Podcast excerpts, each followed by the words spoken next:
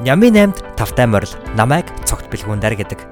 7 хоног болгоо миний бие эсвэл хүндэт зочин маань өөрийн мэдсэн, ойлгосон, ухаарсан зүйлсээ хуваалцсан тантай өчигдрийн түүхээр өнөдөр холбогдож маргаашин тань амьдралд хамт олохыг зорддог үлээ. Натай хамт баярлаа. Ингээд эхэлцгээе.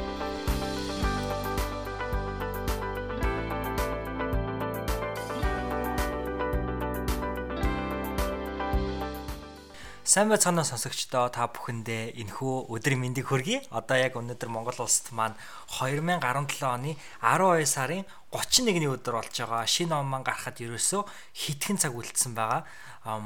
Энд ч бол Америкийн нэгдсэн улсад болохоор 12 дугаар сарын 30-ны оройн 11 цаг болж байна. За тэгээ өнөөдөр би энэ ч нэгэн маш эрхэм хүнтэйгээ хамтдаа сууж гин.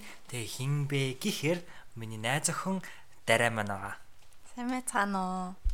За дараад хоёр өнөөдөр Ями 8 гэдэг энэ хүү нэвтрүүлгийнхаа оны хамгийн сүүлчийн дугаарыг хамтдаа хөтлөх гэж байгаа. Тэгээ хамтран хөтлөгч маань дараа байгаа. Тэгээ хамтран хөтлөх гэж байгаа. Баярлалаа. Баярлалаа. Намайг урьж оролцуулсад хамтран хөтлөх гэж байгаа.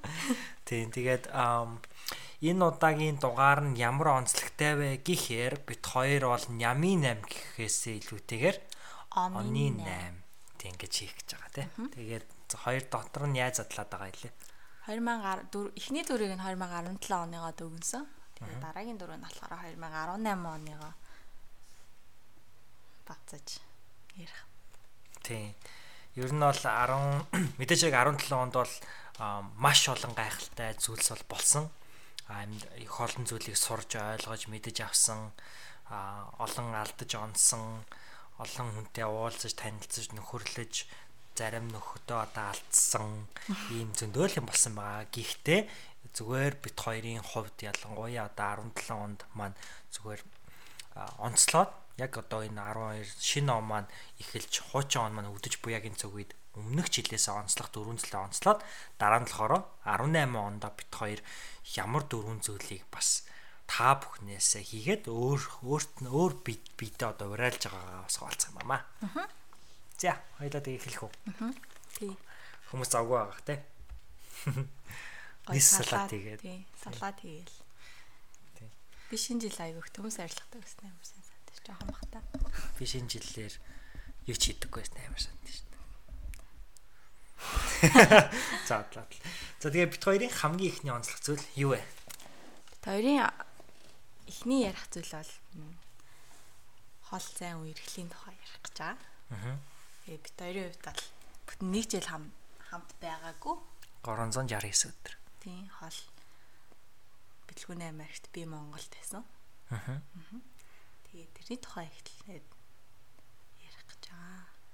Тийм тэгээд бит хоёрын үерхлийн хувьд гэх юм бол 3 сар хүрэхгүй хугацаанд бол үерхчээд тэгээд би Монгол яв биш Америк яваад тэгээд 369 яа хоног хоол байсан. Тэр нь бол бит хоёрын үе эрхлийн одоо хүртэл нийт үерхсэн хугацааны маань илүү их хугацаанд би биенээсээ хол ол ингэж өнгөрсөн байгаа. Тэгээ би энэ хугацааг юу гэж нэрлэж юу гэж боддог вэ гэхээр warm transfer period гэж өөрө хэлдэг. Тэр нь болохоор одоо дулаан шилжүүлгийн цаг үе гэдэг юм байна. Шилжүүлгийн цаг уу юу? Тийм. За. Тэгээ яагаад вэ гэхээр мэдээч хэрэг ингээд хоёр тусдаа байгаа хүмүүс яг одоо ингээд аюу үер эхлийнхаа ингээд хөөрөө үедээ үер эхчихэд. Тэгээд ингээд яг аюу бүр ингээд улам хөөрсөн үе дээрээ холдоо явцсан те. Тэгээд яг энэ хөөрсөн үе дээр холдоо явчаад тэгээ энэ үедээ болохоор интернетээр ер нь бол зах цухаас нь хин хиннийхаа муухай сайхан ашуудыг бол ингээд танилцаа явж байгаа. Тэгэхээр бас шууд ингээд одоо тэр хүний хамгийн сайхан ашиг нь биш. Шууд одоо тэр хүний хамгийн муухай ч юм уу. Миний одоо жишээ нь одоо юу гэдгийг одоо ийм дээр би яг чад. Зарим хүмүүс нөгөө оогоо нөгөө хойноос нь ингэж хуйлж оогоо ингэж шахдаг те. Зарим хүмүүс болохоор би нэг тийм биш л те. Гэтэ яг зөв зарим хүмүүс болохоор ингээд биш базж оогоо яадаг гэдэг. Тийм их жижиг юмн дээр одоо ингээд хүмүүс хэвлэлдэг ч нэг тийм юм байдаг шээ те. Тэрнтэй адилхан зүгээр эргээгээд ингээд хамтдаа байхаар тэр одоо зүйлүүдэд анханасаа танилцаагүй мдэггүйгээсээ олж ингэж айгүйх янз бүрийн зүйл болдсон болов гэж бодсон. Гэтэ бит хоёр тэрийг нь болохоор яг тэр одоо хол зав ирэхэл дахтаа ингээ байнгын видео кол хийдэг те. өглөөс ирээд өдөр шунтахаас өмнө зандаа залгадаг. Тэр үедээ болохоор өө бэлгүүнээ чинь одоо юу гэдгийг шүдээ ингэж угаад юм байна. Тэ? Гаяр тавгаа ингэж угаад юм байна гэдэг дараагч гэсэн ингэж хийнэ мэдчихэж байгаа байхгүй. Тэр үед чи яг миний тухай яг юу олж ицсэн бэ? Тэгж интернетээр видео кол хийх. Тэгэл зөндөө юм хийсэн шүү. Би бол чамааг амар. Гэхдээ миний мэддэг би угаасаа нэг өөрөө нэг тийм амар нэг сүртэй ороо. Би бол зүгээр ингээл ор мороо бол ингээд тэгэл хүнжлээ ингээл зэгсэж тавиал дээрээ зэгсэж тавиал. Тэгэл орхичдаг байхгүй. Тэгэхэд чи болохоор дандаа ингээ өглөөс ирчээ наттай бацаар ярьж хахтай ор мороо орохчаал. Амар ингээл симметрикл ингээл яг голд нь ингээд ихж байгаа л яг голдон тавингуудаа тэгэл ингээ хоёр тал руу ингээл Тэр мэрийг бол за амар organized юм байна. Би одоо тэгээд хажууд нь одоо юу зүгээр тэгэл ингээл бороо барыг хураад юм уу аашээ гэмээр л тэгж бодлоо да тэр нь амар сан тэгж санагдчихсэн. Тэгээд тийм зөндөл зүйл ажиглагдчихсэн л та. Тэгээд яг тийм жижиг зүйлүүдэд ажиглана. Тэрнээсээ гадна бас том зүйлүүдэд ч гэсэн нэлээд ажиглана. Тэгээд одоо миний хамгийн их дурдахыг хүсэж байгаа зүйл гэх юм бол хол зай үерхэлд байна гэдэг бол айгүйх төсөв төвчөө шаардсан зүйл. Аа ялангуяа миний хувьд болохоор аа тэсэр төвчээрийг би өөр нь бол яг анх үерхэхдээ лонг одоо яг юм хол зай үерхэлд угаасаа орохоо мэдчихсэн. А тэгтээ орсон. Тэгээ орохдоо бол анханасаа би өөртөө ихтэй байсан. Гэхдээ өөртөө итгэлгүй нэг 0.100-ны 2% ч юм уу байсан. А тэгээд тэр 0.2% нь болохоор тэр 369 өдрийн болохоор баг багаар үгүй болж исэн. Ягаад гэвэл мэдээж өдөр болгоны хувьд бит хоёр нэг өдөр уулзах нь ойрт чинь гэдгийг мэддэг байсан учраас. Чиний хувьд. Тэгэхээр миний хувьд бол тэгээ би яг чамтай л хамт угаасаа байна гэж бодсон байсан болохоор нэг одоо замдаа нэг одоо сатаарах ч юм уу те өөр хүнтэй ингээд одоо уулзсан уулзсан. Эсвэл би чамтай за за энэ юусоо ингээд бэлгүүнэтэй хол зайн байхаар ингээд бүтэхгүй юм байна гэл. Зарим охтууд чи ингээл ингээл найз залуудаагаа уулзахгүй болохоор чинь тэгэл өө өстөд намайг өвөл дулаацуулах хүн байхгүй гэрт харангууд гэрт хүргэж өгөх хүн байхгүй хэцүү байна өстөө хоёлаа болим мэл гэл тэгдэг те. Надаа бол мэдгүй надаа ерөөсө тийм юм би тэгж нэг боддгоо байсан ч юм уу бас хитийн зорилгын чамтай хамт байх тэгэл өөр илүү гоё зүйл ирээдүйд хүлээж байгаа гэж боддог байсан болохоор тийм жижиг сажиг зүйл сатаардаггүй байсан. Харин яг л наа ч нэг байхгүй. Одоо за эрэгтэй хүний хувьд бол гайг байж болж байгаа. Одоо юу гэдгийг одоо чи бол сая амар чам мэдрэмж хэллээ шүү дээ. Эмэгтэй хүн өвөл гарыг нь дулаацуулах хүн байхгүй гэх тээ. За эрэгтэй хүний хувьд бол тэр бол нэг бодогдоод байх зүйл биш те. Эмэгтэй хүний хувьд бол тийм жижиг зүйлүүд дээр илүү их одоо санагалцдаг ч юм уу тийм зүйл байна. Эмэгтэйчүүд угаасаа нөгөө нэг байглаасаа тэгж одоо эрэгтэй хүнээр асруулаад ингээ халамжлуулаад Тэгээд бүр байглаасаа яг тийм ингээд инстинкттэй болохоор тэгээд ер нь ингээд одоо хоол зайн үерхэлд бол эмгтээчүүд аягүй тийм зүйлээс олж одоо бууж өгөх нь надад харагддаг. Манай нэг миний мэддэг хүмүүс бол тэгж салж исэн удаа бол байгаа. Тэгээд тэрэн дээр бол би айгүйх баярлдаг байхгүй. Баярлалаа баярлалаа. Гэ нэрээ айгүйх баярлдаг. Яагаад тэгэхээр дараа бол намайг одоо чи байхгүй болохоор би одоо daarаад байна ч гэх юм уу те. Нэгэн тугаасаа би айгу хол байгаа учраас Тийм угаасаа чи тэгээд би даарахад одоо бэлгүүнээ яах надрууд ямар тэтлээс шууд пуужин болж очиж байгаа л тэгэл дулаацуулаад өгөх ш. Тэгээд тийм болохоор нэг хоёрын хоёрын юм хоёрын хооронд юмн дээр нэг гомдлоод шаардлага байдаггүй юм шиг санагддаг байсан л та. Байсан юм уу? Одоо л тэгээ хамт байгаа тэгэл байж хата дараад ирэх юм бол бэлгүүнээ олтой юу гэдэг надад цамцаа өгөх ч юм уу. Тим юм уусаа үйлдэл хийж болохоор одоо tangible байгаа болохоор одоо л тэгж хомдлоход бол их тийм сүртэй зүйл бол биш шүү дээ. Хоол ахад бол тэгэл өө чи өстой байхгүй ингээ намайг дулаацуулах хүн байхгүй байна гэд гомдлоод ах юм бол тэгээд нэг хоол байгаа хүнд нь ч хэцүүтэй. Би өстой хамт байж чадахгүй л өөрийгөө буруутгаад зэмлээд байдаг ч юм уу жоо сэтгэл санааны дарамтанд оруулах ч юм уу тийм байдаг юм шиг санагдав. Аа. Байсан. Тэг нандаа бол тийм юм ерөөсөн ерөөсөл мэдрүүлээгүй санагдчихээн. Санагдчихээн. Тийм. Тийм учраас тэрэн дээр нэх баярлалт юм аа. Тэгээд бид зэрэг одоо эрэгтэй хүний ярьж байгаа төсөр төчөр эмэгтэй хүний ярьж байгаа төсөр төчөр гэдэг бол хоёр шал яг хаа төстэй зүйл л дээ. Гэтэл бол одоо өөр юм дээр л ингээ харагдаж байгаа байхгүй тий.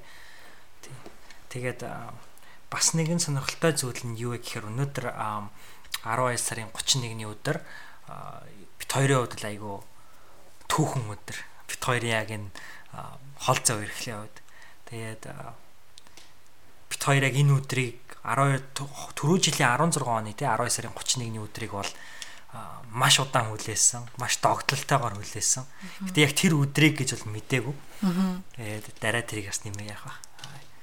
Би тэгээд манай бэлгүүнээ одоо University of Minnesota гэдэг сургуульд сурдаг л та. Тэгээд маш том сургууль, гоё одоо хамгийн том research хийдэг гоё сургууль. Би тэгээд өөрөө тэгээд Америкт ирэхийг хүсдэг байсан болохоор би энэ сургуульд одоо apply хийгээд 9 сард лөө 8 сард лөө айгүй ихт apply хийгээ тэгээд тэгээд яг нөгөө нэг аппликейшнаа ингээд орж харж болдог. Хариуг нь ингээ харж болдог нэг тийм сайт идэх байхгүй тэгээд бид бид хоёр бол тэрэн лөө өдөр болго ордог байсан дээ ороод за хариу гарсан байна уу яасан юм байна уу айгүй их дагталж хардаг байсан.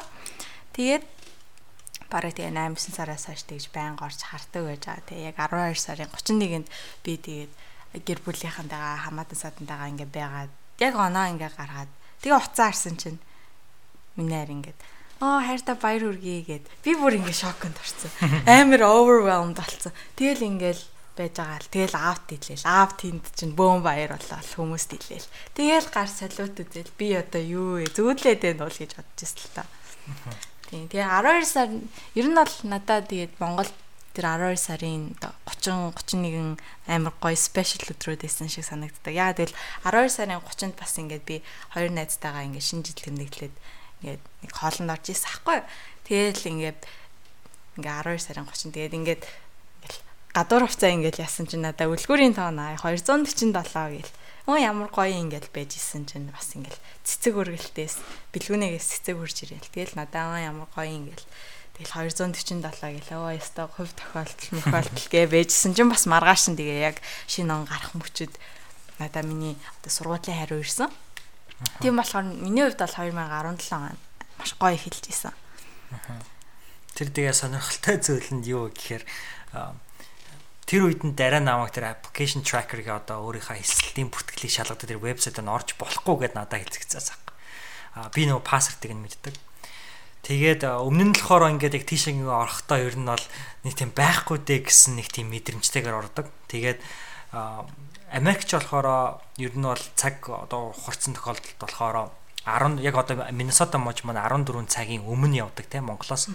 Тэгээд өглөө одоо энэ чи 12 дугаар сарын 31-ний өглөө болж байхад Монголд бол одоо шөнийн 12 цаг болоод 1 сарын 1-ний өдрийг болж идэг. Тэгээ би яг өглөө одоо 12 сарын 31-ний өглөө Америкт сэрээд бүр айгүй хүчтэй мэдрэмж авсан байхгүй юу. Би мөрөнд толомч бүр ингээд яг одоо ингээд хариуд гарцсан байгаа даа гэж бодоод тэгэл ингээд бас ингээд тийм мэдрэмж авчаад бас айгүй логикли бас давхар бодсноо би амар сандын. Айгүй бол нэг сайхан сэтгэлтэй өнөн яг ажиллаад хараад одоо 30-ны орой ингээд ажиллаад харахаас өмнө гэдэг хүмүүс та тэнцсэн шүү гэдэг захааг нь бэлдээ явуулсан чим билүү гэж бодоод яг нэг тийм амар сонир мэдрэмжтэй ингээд босоод харсан чинь ингээд юу яцаа идэв та тэнцсэн гэд тэгээд дараа болохоор CBS эхлээд CBS-д орсон тий. CL-д орлоо. CBS ч мөр 2 сар. Аа тийм байна. Тэг дараа болохоор манай Америкч нөө сургуулиуд дотроо ингээд ер нь бол олон салбар сургуулиудтай коллежуудтай тий мэрэгжил мэрэгжлээс хамаардаг бизнесийн коллеж нь Carlson гэж сургууль байдаг.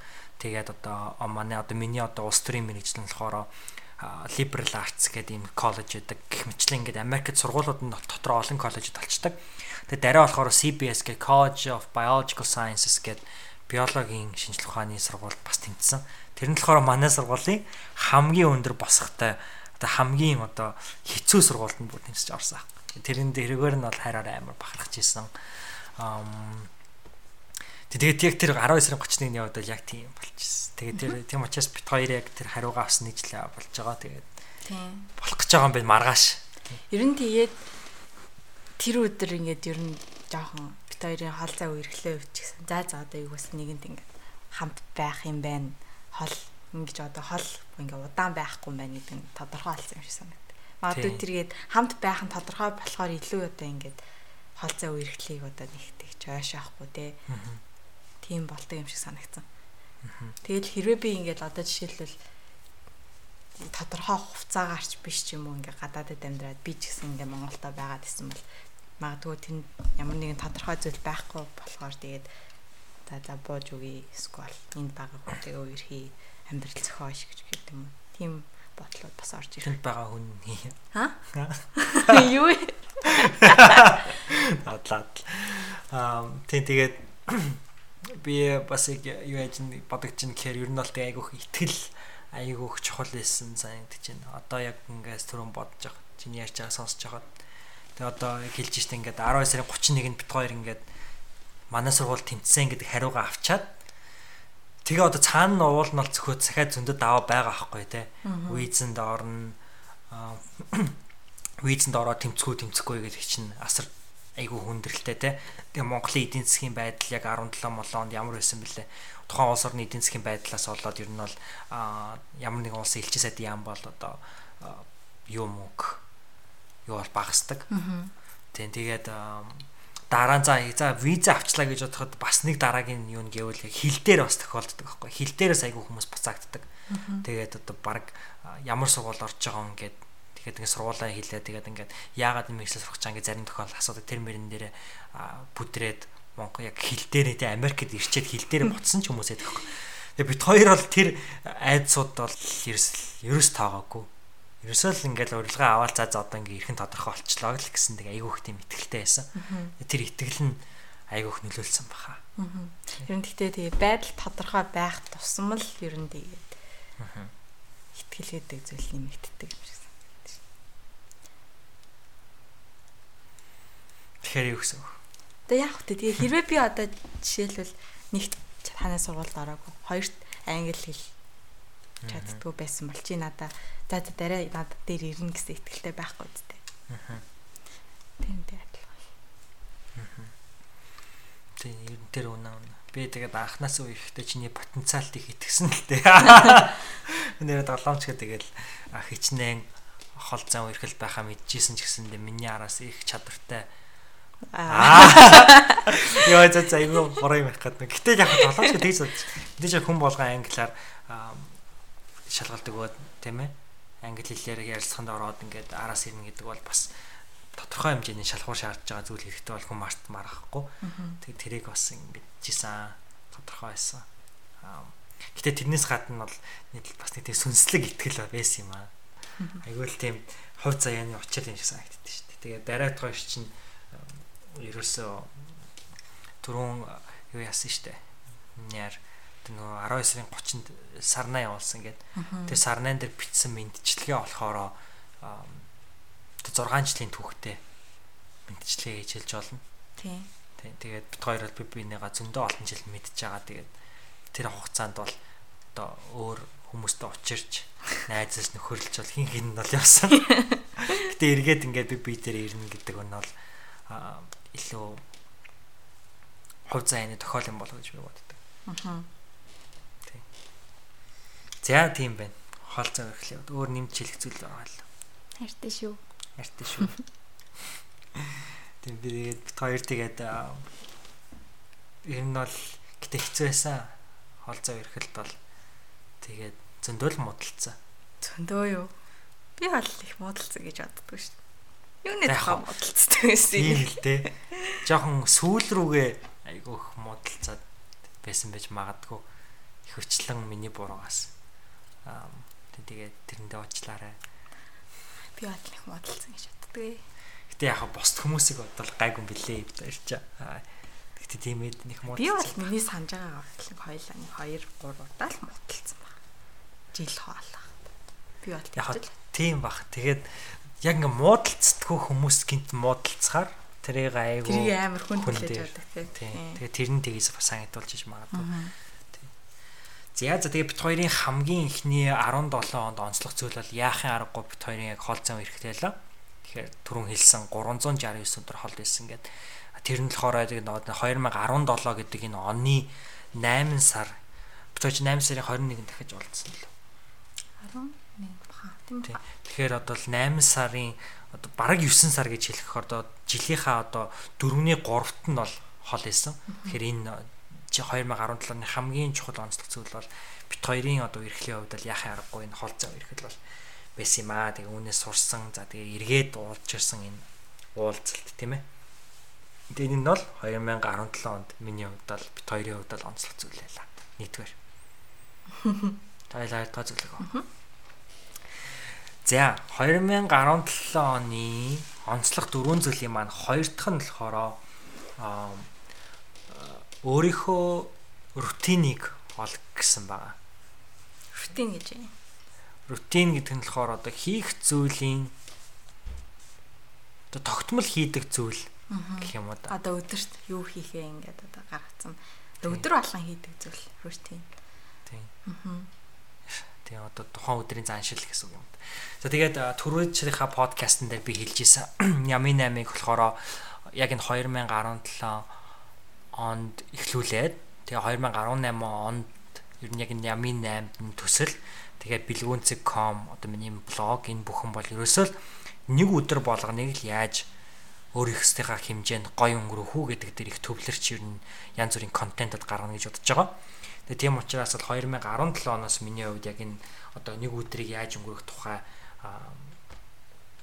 зүгээр хамгийн одоо ойлгосон нэг зүйл юу гэх юм бол өөртөө таарах одоо тэр өдрийн төлөвлөгөөг л бий болгох гэсэн зүйл байгаа.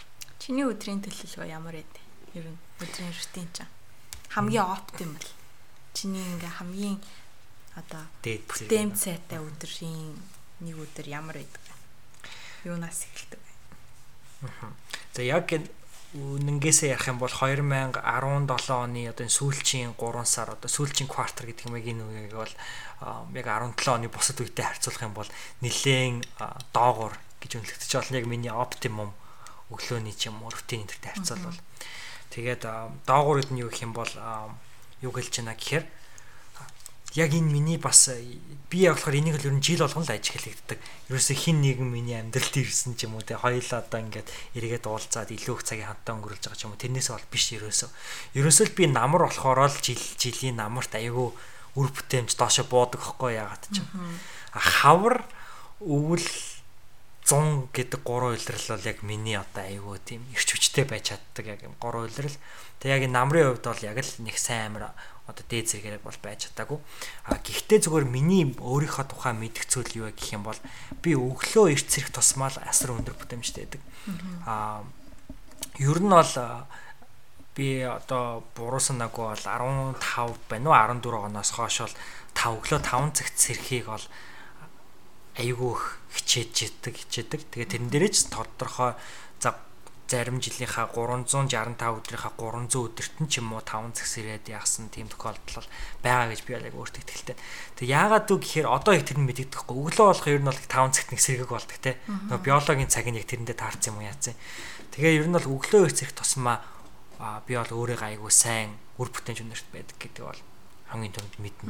Тэгэд яг энэ яг энийг бол энд хэрэгэж хэлж орхиод чиний хувьд гэдэг. Би бол өглөө ирч ёстой эрт сэржсэн дээ. Би бол 5 цагт сэрж үзсэн, хэдэн өдөр сэрж сэрж үзсэн. Гэтэ бол яг миний хувьд бол яг биологийнх нь цаг нь одоо 5 өглөөний 5 цагт сэрэх бол оптимум бол биш гэдэг бол би амар сайн мэдрээд байдаг байхгүй. Бодлаач шиж магадгүй. Гэтэ би өглөө амар эрт сэрчгээр яг одоо чи бол өглөө ингээс ирээл ингээл хам юмаа хийгээл өдрөө ингээл төлөвлөл ингээл юм юм бичээл хичээл ном уншаад би бол тэгж чаддаг байхгүй. Өглөө яг 5 цаг сэрсэн ч гэсэн ингээл нэг яг юу их гээд байгаа нь мэддэггүй ингээл суугаал юм хийгээ төлөвлөсөн байсан ч гэсэн тэрийг ингээ яг сайн төл ингээ төвлөрч хийж чадахгүй байдаг. Тэгээ миний хувьд бол яг одоо нэг 9 8 9 гэж сэрэл хичээл номоо ингээ хичээл номдоо яваад ажил төрөлдөө яваад тэгээ оройн нь ингээд яг суугаад хичээлээ хийхэд тэгэх юм бол арай илүү бүтээмжтэй тэгээд бас илүү сайн төвлөрч чаддаг юм шиг санагддаг. Тэг яг яг энэ болохоор бол яг одоо энэ 2017 оноос миний бас хамгийн зөвхөн одоо өөрийнхөө туршлагаас биш иргэн тойрны хүмүүс за тэгээ амжилттай яваа хүмүүсээс ажиглаад байгаа зүйл нь яг энэ аахгүй. Хүн болгон яг адилхан биш те. Хүн болгон өөр өөрсдийн гэсэн биологийн цаг байгаа. Да миний хувьд одоо өглөөний хүн гэж би бол өөртөө итгээд байгаа. Гэтэ магадгүй яг үнэндээ биш ч юм бол яаж бас хэлж мэдэхгүй шүү дээ. Тэгэхээр энийг бол тушиж л үзэх хэрэгтэй байгаа байхгүй. А гэтэ миний зүгээр одоо хийгээд байгаа одоо өчүүхэн эдэн жилийн туршлаган дээр бол ерөөсөө өглөө эрс ирэхээрээ би илүү одоо үр бүтээмжтэй байдаг гэдэг. А дараагийн хувьд болохоор одоо шүн илүү үр бүтээмжтэй те. А шүн оройн цагаар энийг болохоор хилдэг штэ сэтгэл сэтгэл зүйчний ийм төрлийн хүмүүс нөө night owl буюу одоо шөнийн юу төглөө оол гэж шар шоу. Шар шоу. Тэгээ шүний шар шоу гэдэг одоо ийм чиг хандлагатай ч юм уу те. Тэгээ энэ сүүлийн үед болохоор бүр задраад энэ дээр илүү олон одоо яг унталтын сэтгэл зүйчнэр бол янз бүрийн ном сонирхолтой зүйлүүд гаргаад байгаа байхгүй. Тэгээд сэтгэл зүйчээ. Одоо яг энэ sleep psychology гэдэг те. Тэгээ яг энэ дээр тийм. Тэгээ одоо би яг номынх нэрийг санахгүй байна. Гэтэ би подкастныхаа доор олоод тавина. А тэр нь болохоор хүмүүсийн дотор нь дөрвөн амьтанд хуваагаад байдаг.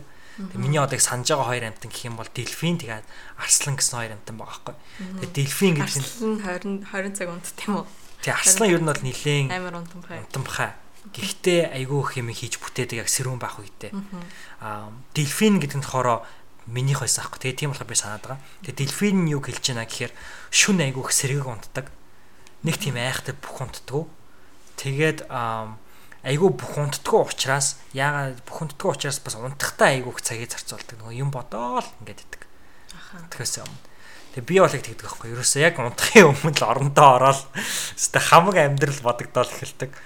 Тэгээ яг тийм. Тэгээ яг бас яг бас яг өглөө эрт сэрээд өглөө эрт сэрээд за үнэхээр яг оптимум гэж хэлж байгаа тийм хамгийн дээд зэргийнхаа өглөөнийхаа рутиныг дагаж чадах юм бол орой сайн унт чаддаг бүх унт чаддаг чаддаг.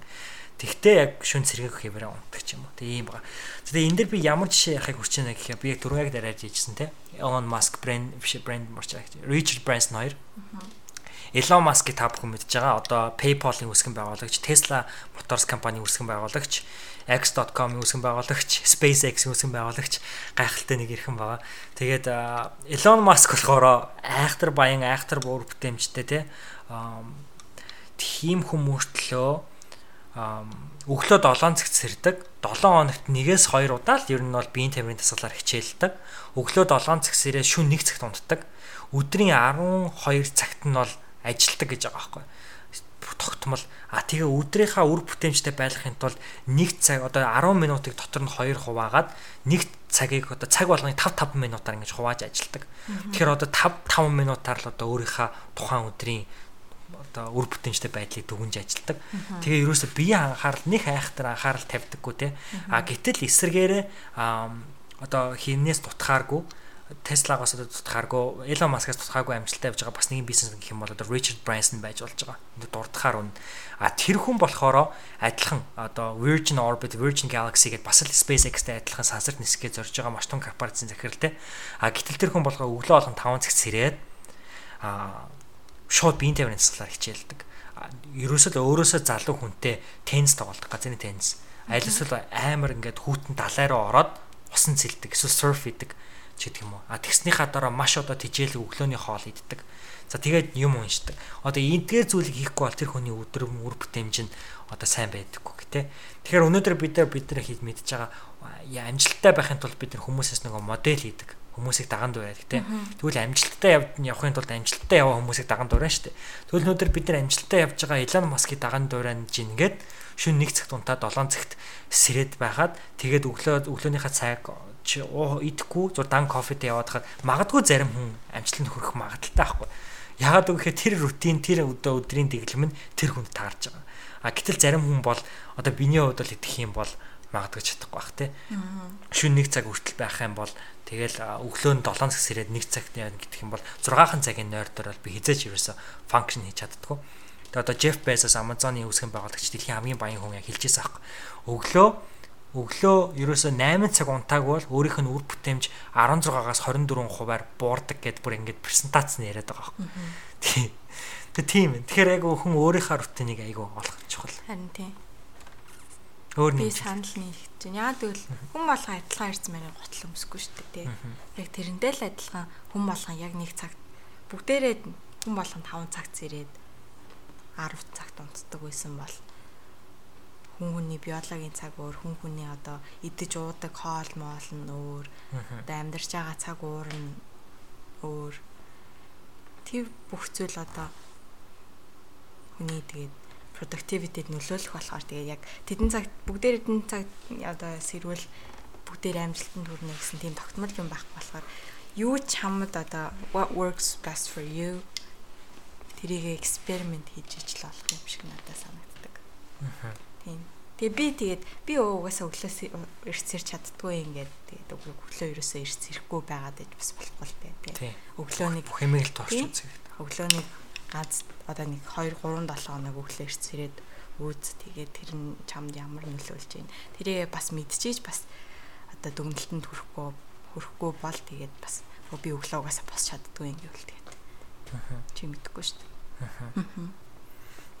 Одоо Америкийн нөгөө цэргүүд өглөө болгон сэрээд айгуу хэрцэрдэг гэж байгаа байхгүй. Тэгээ одоо хамгийн нэг сонирхолтой чинь гэвэл би яг нэрээ санахгүй байна. А гэтээ саяхан нэлээд фейсбүүкээр бас ютубээр вайрал явсныг бичлэг амжилтанд хүрэх гэвэл өглөө осоод шууд ороо хувраа гэж нэг Navy Seal яриад байгаа Америкийн том цэргийн хүн. Тэгээ яагаад гэхээр өглөөс ирээд хүн ороо гэдэг чинь тухайн одоо өрөөний 3.1 ч юм уу 3.2 эзэлж том тавилга те. Тэгээ тэр том тавилга дээр байгаа зүйлээ шууд ингээд засаад яхаар өглөөс ирээл нэг зүйл чи шууд бүтээд нэг зүйл шууд ингээд зоригтой хөгжиж байгаа учраас түүнээсээ хүн ингээд моментум аваад тэгээд ингээд цаашаа үргэлжлээд идэгтэй амжилт нь. Аа тэгтэл тэр хүн болохоор 4 цаг 30 минутанд сэрдэг гэж байгаа байхгүй өглөө. Аа зарим хүний хувьд бол 4 цаг 30 минутанд сэрнэ гэдэг бол байж болохооргүй зүйл. Тэг яагаад ялангуяа одоо Монгол шиг одоо жилийн дөрөв улиралтай газар одоо эрт харанхуй болоод тийм ээ тэгээд нар мандах гэж аяг худдаг. Тэр хүн болох аль болох л нөгөө өдрийн гэрэлтэйг л ашиглах гэж шүү дээ тийм. Учраас бас одоо тэр зэрэг зүйлүүдэд бас тааруулах хэвээр. Тэгэл одоо нийгмийн амьдрал энэ төрөө зүйлүүд бас нэлээд бодолцох хэвээр. Тэгэхээр юм болгоныг л бодож, юм болгоныг л тунгааж явах хэвээр. Тэгээд дээрээс нь зөвөр миний нэмээд хэлэх хүсэж байгаа зүйл нь юу гэх юм бэ? Гэх юм бол хүн болгоны хувьд одоо өөр өөр тийм учраас өөр хүн болгоныг одоо хүндлэх л хэрэгтэй байгаа байхгүй. Өнөөдөр та 5 цаг зэрдэг байж болно те. Тэгвэл яагаад та одоо өдөр өдөр хүртэл унтдаг хүнийг нь хүнээ буруутгах их бол танд байхгүй. Яагаад тэгвэл магадгүй тэр хүн үнэхээр тэр үгээрээ болж иж амжилт нь хүрчиж болно шүү дээ. Тэгэхээр яг тэрийг нь айгу бод. Хүмүүсийг хүлэн зөвшөөрөх бас айгу чухал. Аа. Өөрийнхөө л юм зүгээд заавал тэр өөр хүмүүс тулгаад авах шаардлагагүй. Аа. За, өөр нэмжлэх зүйл байна уу? За, за. За тэгвэл ингээд түрүүн саяны бол манай одоо Нямын 8-ын дугаарын маань онцлог хоёр дахь зүйл байлаа. Өөрсдийнхөө өдрийн одоо төлөвлөгөөг өдрийн рутин буюу байнга дадал зуршлаа одоо өөрсдөө туршиж эксперимент хийж олоорой гэж гэх тийм ээ. За тэгээд гурав дахь зүйл рүү орох. За гурав дахь зүйл маань болохоор бит хоёр 2017 онд хамгийн талархаж буй зүйлээ ер нь бол дуртахыг хүссэн байгаа. Тэгээд одоо 2000 одоо яг энэ 12 сард ер нь нөгөө Нямина мара бид нар дамжуулж 8 асуултыг өөрсдөөс асуусан тийм ээ. Тэр 8 асуултын маань хамгийн ихний асуулт бол та энэ 7 хоногт юунд хамгийн их талархаж байна гэдэг юм асуулт байсан. Тэгээд бид хоёр бол талархал гэдэг зүйлийг ер нь айгүй чухал зүйл гэж ер нь бол бодоод байгаа. Тэ. Тэгээд тийм тэгээд тийм учраас талархлыг ер нь бол яахаа горхиж болохооргүй зүйл гэж ер нь бодож байна. Тэгээд юунд талархаж байна 17 онд? Би юу? Зөндөл юм талархаж байна. Чи юунд талархаж байна? Зөндөл талархаж. Тэгэхээр талархал гэдэг зүйл яг ингээд олонний өмнө ярахад айгүй хүнд сэдв байхгүй юу? Ягаад гэвэл юу ч гээх айгүй өндөр магадлалтай. Харин тийм. Тийм. Өнөөдөр бол 365 өдөр ингээд жил өнгөрөхөд 365 байтугай юмд бол талархсан байгаа шүү дээ. Тэгэхээр 365 байтугай ямиг өнөөдөр бид хоёр хэдэн байд ярих боломжгүй би энэ жил хамгийн их энэнд талархсан гэж хэлэхээр бусад зүйлүүд нь бусад зүйлүүдэд талархаагүй юм шиг сэтгэл төрж магадгүй.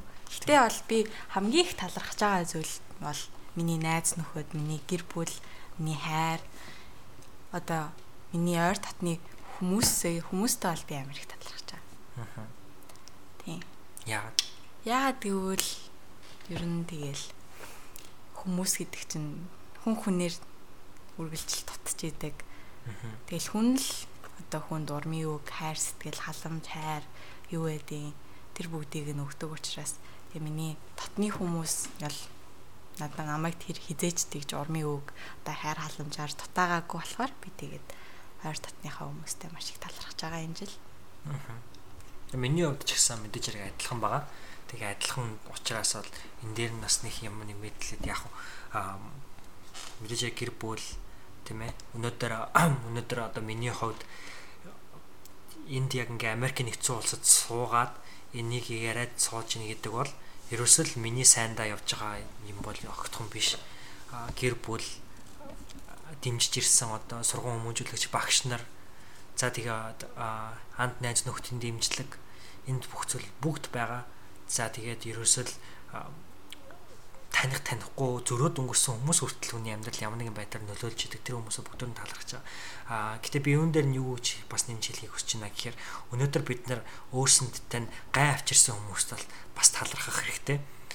Аа яагаад вэ гэхээр зөвөр би яагаад нэг хэлж байна гэхээр өнөөдөр 2017 ингээд дуусч байна. А тэгэхээр бол өнөөдөр ингээ 17 онд танд магадгүй гомцсон тий а та тэр хүнд гомдсон та тэр хүнд ууралж байгаа ч юм уу тийм хүн байхыг бол үүсэхгүй а гэхдээ тэр хүмүүс чинь эргээгээ таны амьдралд тодорхой хэмжээний шалгуурыг тавьж өгсөн учраас өнөөдрийн таныг та олгож байгаа. Тий. Одоо хам дэлхийн хамгийн алдартай хувийн хөгжлийн багш Тони Робинсын ээж нь драг аддикт буюу одоо хар тамхичин байсан. Айхтар арх уудаг тий. Тэгээ ингээд хүүхдүүдэд дандаа зоддаг. Тэгээд ингээл Тони Робинс ингээд зодно. Тэгээл ингээл одоо арх олж ирэгээл ингээл хөөгөл гаргана те. Айгу ингээл айгу хүнд нөхцлүүд ингээ амьдрсан ээжээсээ болж гэтэл өнөөдөр Тони Робинсоос эгээгээ та энэ амьдралдаа хинт хамгийн талархдаг гэхээр би ээжтэй талархдаг гэж хэлдэг байхгүй. Тэгээ та та таны ээж нь таны ингээ зөндөө зодсон, таныг ингээ хайрлаагүй захан гэд ингэдэг те. Гэтэл Тони Робинс хэлж байгаа байхгүй. Тэр хүн эцсийн эц намайг бол үнэхээр хайрлж исэн. Тэр хүний дотор бол намайг хайрлж исэн тийм эдис тийм зөвхөн хэсэг байгаа. Аа гэхдээ тэр хүн намайг одоо тэгж зовоож тийм ээ тэгснийхаа тэр үр дүнд одоо Тони Робинс practical psychologist буюу би одоо сэтгэл судлалын боловсролгүй ч гэсэндээ яг одоо тийм одоо донтолттой хүнтэй яг яаж сэтгэл зүйд тийм сэтгэл зүйд хүнд яаж харьцах вэ гэдэг тийм practical мэдлэг боловсрол чадварыг авчин учраас өнөөдөр түүн дээрээ тулгуурлаад олон хүмүүсийн амьдрал нөлөөлж байгаа байхгүй. Тэгэхээр ер нь бол энд 17 онд таныг танд ямар нэгэн дүндэр шалгуур тавьсан, таныг зовоосон, таныг гомдоосон, таныг уурлуулсан, таныг шатаасан тийм ээ, таныг буснуулсан ийм хүмүүс байгаа бол тэр хүмүүстэй талархаад тэрнээс авах зүйлээс аваасай. Тэгээ түүндээ бас талархаасай гэж ер нь бол би бас хэлмээр байна. Чамд энэ жил одоо талархаж байгаа зүйл байна уу? Амьд биш. Баш их талархаж байгаа зүйл. Сонирхолтой зүйл байна. Тэгэл одоо зөндөөл байгаа л да. Одоо жишээ нь одоо хамгийн их амьдрал чинь нөлөөлсөн энэ жил. Одоо чиний урилга байж болно шүү дээ. Сургууль тэмцэн гэдэг урилга. Тэр бол урилга бол амьд зүйл биш те.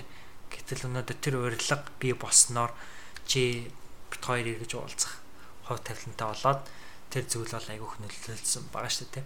Гэтэ яг хоо зүгээр яг ингээд зүйл гэхээр одоо өдөр тутмаа хэрэгэлдэг зүйл бас аж болж байна л да. Нөгөө нэг Team Ferris ингээд сая сүлд гаргасан номон дээр асууж байгаа хэрэг. Team Ferris гэдэг нь болохоор бас ховын хөгжлийн багш. Тэгээ тэрэн дээр номон дээр юу гэж судаг гэхээр дэлхийн хамгийн одоо өөрийнхөө хамгийн мундаг гэж үзэж байгаа одоо менторууд буюу багш нараас та энэ жил авсан 100 доллароос баг 100 доллар хүрэхгүй үнэтэй одоо таны нэмэлт хамгийн нөлөөлсөн зүйл юу вэ гэдэг асуултыг асууж ирсэн энэ асуултыг одоо өөрөөсөө асуух юм уу те гэж шиг амар хэмээс ярьждаг те аа сайн мэдэхгүй байна. Гэтэ зөндөө зүйл яж чинь ном байж болно шүү дээ. Аа ном байж болж байна. Аа юу яаж болт юм бол та. Чиний хувьд юу талархаж байгаа. Яг одоо хурж болох үйл зүйл гэвэл би сайн мэдэхгүй байна заа. Гэтэ хоёлаа ингээд нэг нэг жижигхэн юмд одоо ингээл нэр өвдөг даа. Бадмус, мадмус. Бадмус гэдэг манай гэртээ сүгүүлэнд цэцэг. Тий.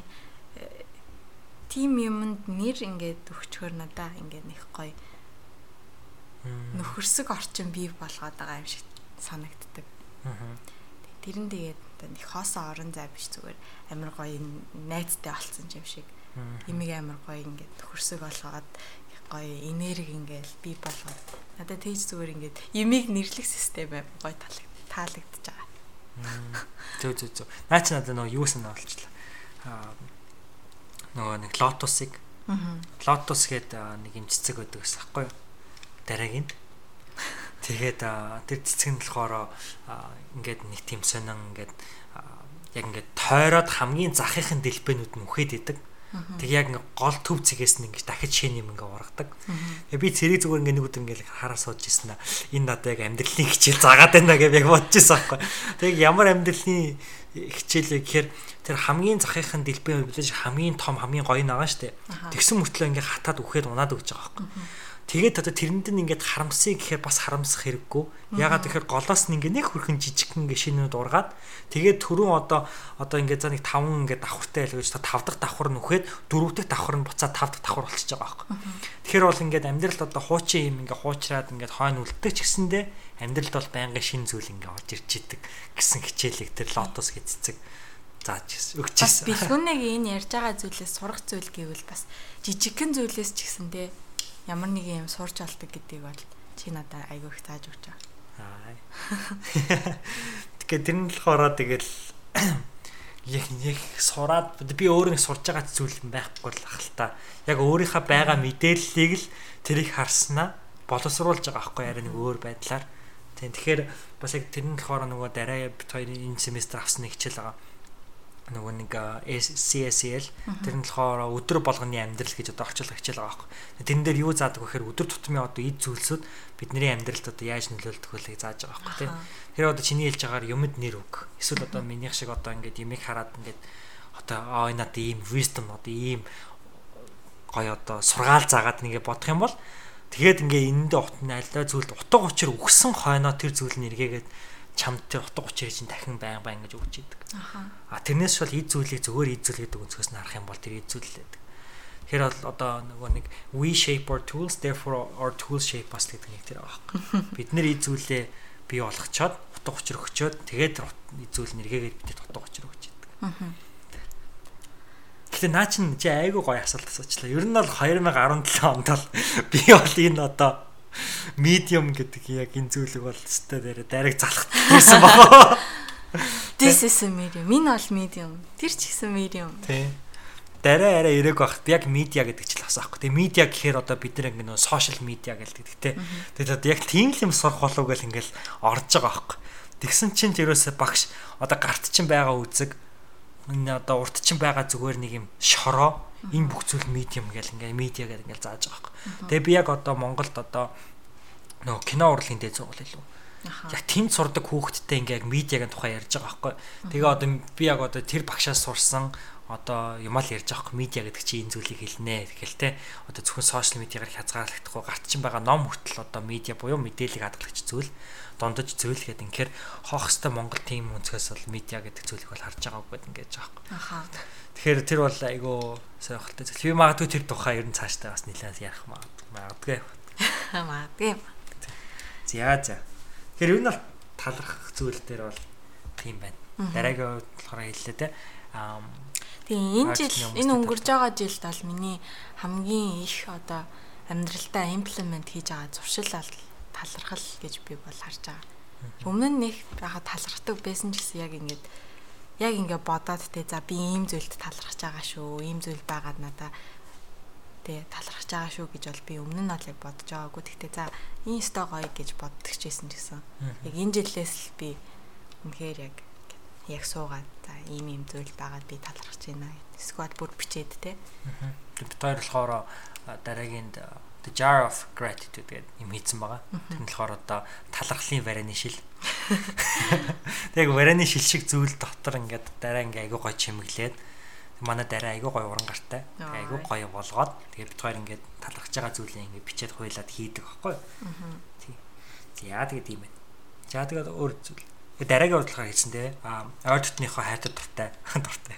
Хайртай хүмүүстэй талархж гин гэх тийм ээ. А миний хувьд болохоор бас Мэдээж талархаж байгаа. А гэхдээ бас амьдрал чи ирсэн муу мухаар үйл одоо хүмүүсийг ч гэсэн талархаарай. А тэгээ бас дараа тухай сая хэллээ. Бас амьд бус зүйлстэй ч гэсэн талархах хэрэгтэй. Тэдгээр зүйлсээс утга учрах хэрэгтэй байна гэж. За ингээ хэдүүлээ. Ямын намынхаа энэ дугаарыг 3 дугаар онцлог зүйл рүү орё. Биш ээ 4 дугаар онцлог зүйл рүү орё. Дөрөв дөрөв дөрөв дөрөв. За энэ дөрөвдүгээр онцлог зүйл нь болохоор яг түрүүний миний нөгөө юутай айгу адилхан тэгэхээр би яг энтэй нэх олон нэмээд хэлээ яах вэ те. Гэтэ зүгээр 2017 оноос сурсан ойлгосон хамгийн зүйл. За тэгээ та бүхэндээ би үнэхээр яагаад нэг хэлхийг хүсэж байна гэхээр өнөөдөр бид яг нэг шинэ оны босгон дээр хүрээд ирэхээр яг ингээд боддог штеп. За ингээд 2017 өнгөрчлөө. Би ч юу ч хийсэнгүү гэх юм уу те ингэх бодолтой хүмүүс зөндөл байгаа. Аа миний хувьд ч гэсэн яг ингээл бодож байгаа хөө ингээ эргээ харахаар ингээ юу ч ин хийгээ өгч биш санагдал те. Гэтэл яг үнэхээр ингээд одоо ойр дотны чинь хүмүүс одоо чинь дараад би би айгүйх ингээд өөрийгөө тэгдэг байхгүй би юу ч хийсэнгүү би юу ч чадахгүй байна гэл ингээл тэгдэг дараа болохоор тэгэхээр юу яриад байгаа яраа чи ингэсэн ш тэгсэн ш тэгэл ингээл надад айгүй сануулдаг те. Тэгэхээр яг тэр үед би бас боддог л хгүй нэрэ тэгсэн юм байна тэгсэн юм байна гэл. Тэгэхээр бол тэрнээс би юг харж байна гэхээр өнөөдөр та өөрөө ч бодож амжаагүй таны хийсэн өчүүхэн жижиг маш олон гайхалтай зүйлсүүд байгаа. Тэгээ тэр зүйлсүүдээ нэгт ер нь бол бас өөрөө өөртөө талархах хэрэгтэй гэдгийг ер нь бол би та бүхэн айгүй сануулмаар гам битэрийн зүг байсан. Шинэ жилээр ингээ бэлгүүнээ надаа ингээд гоё тэмдэглэлийн дэвтэр бэлгэн төгсөн аахгүй юу. Тэгээ би тэр тэмдэглэлийн дэвтрээ яаж эхлүүлсэн бэ гэхээр би энэ өнгөрж байгаа ондоо одоо юу хийсэн одоо юу буруу хийсэн ер нь л өнгөрсөн оноо дүгнсэн нэг тийм юм бицсэн аахгүй юу. Тэгээ тэрийг бичээс өмнө би ингээ бодож байгаа хгүй 12 сарын 20 эдэн ингээл яг он дуусах төхөөл. За энэ жил өстой юу ч хийсэнгүү дээ гэж би яг өөрөө тэгж батсан хгүй. Тэгээ яг тэр нэг хамгийн түрүүний л бодол юм шиг байна. Харин тийм дээ. Тэгэл яг ингээд тэр дэвтэр дээрээ бичээл хийсэн чинь дээ энэ ном бол миний амьдралч ер нь бол хамгийн олон одоо өөрчлөлт авчирсан тийм жил байгаа хгүй. Америкт одоо ингээд хоёутан болж ирсэн аав ээжээсээ тустаа гарсан тэгэл өөрийнхөө одоо шинэ ажилд орсон ч юм уу те амар олон өөрчлөлт орж ирсэн махад л би тэгэл миний хамгийн түрүүнд бодож байгаа бол өө би юу ч хийсэн.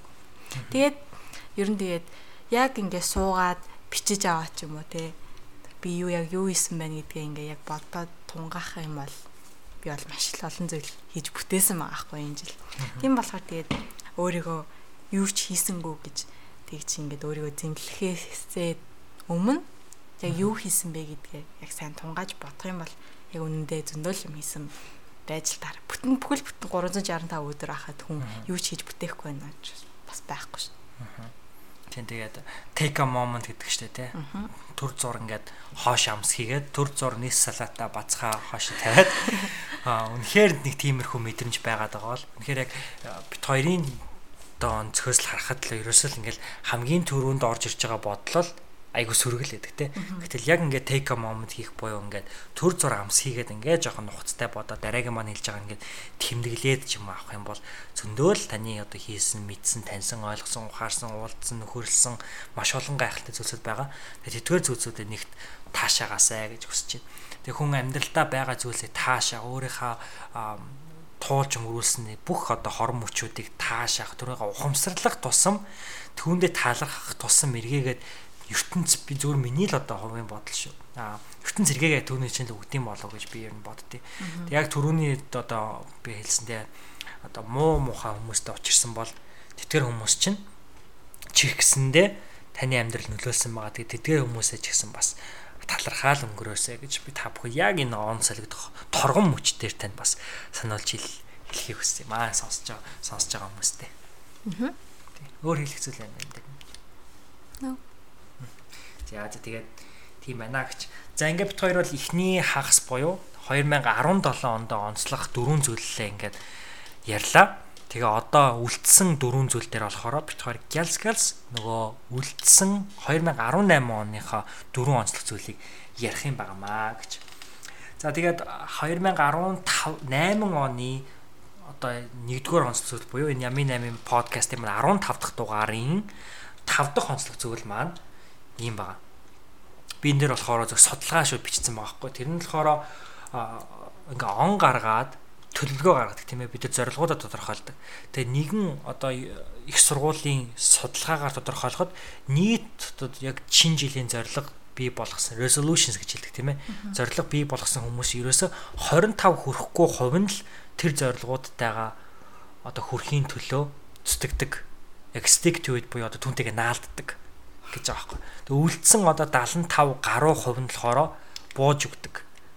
гэсэн ийм судалгаа байгаамаа. За яагаад бууж өгдөг? энэ дээр бол гэхдээ янз бүрийн шалтгаанууд байгаа ах. А зөвөр миний хувийн өнцгөөс харж байгаа зүйл нь юу гэх юм бол зөвөр яг миний одоо хувийн туршлагаас гэх юм бол бид нар өнөөдөр юмыг айгүй их тийм комплекс буюу төвхтэйгээр боддог.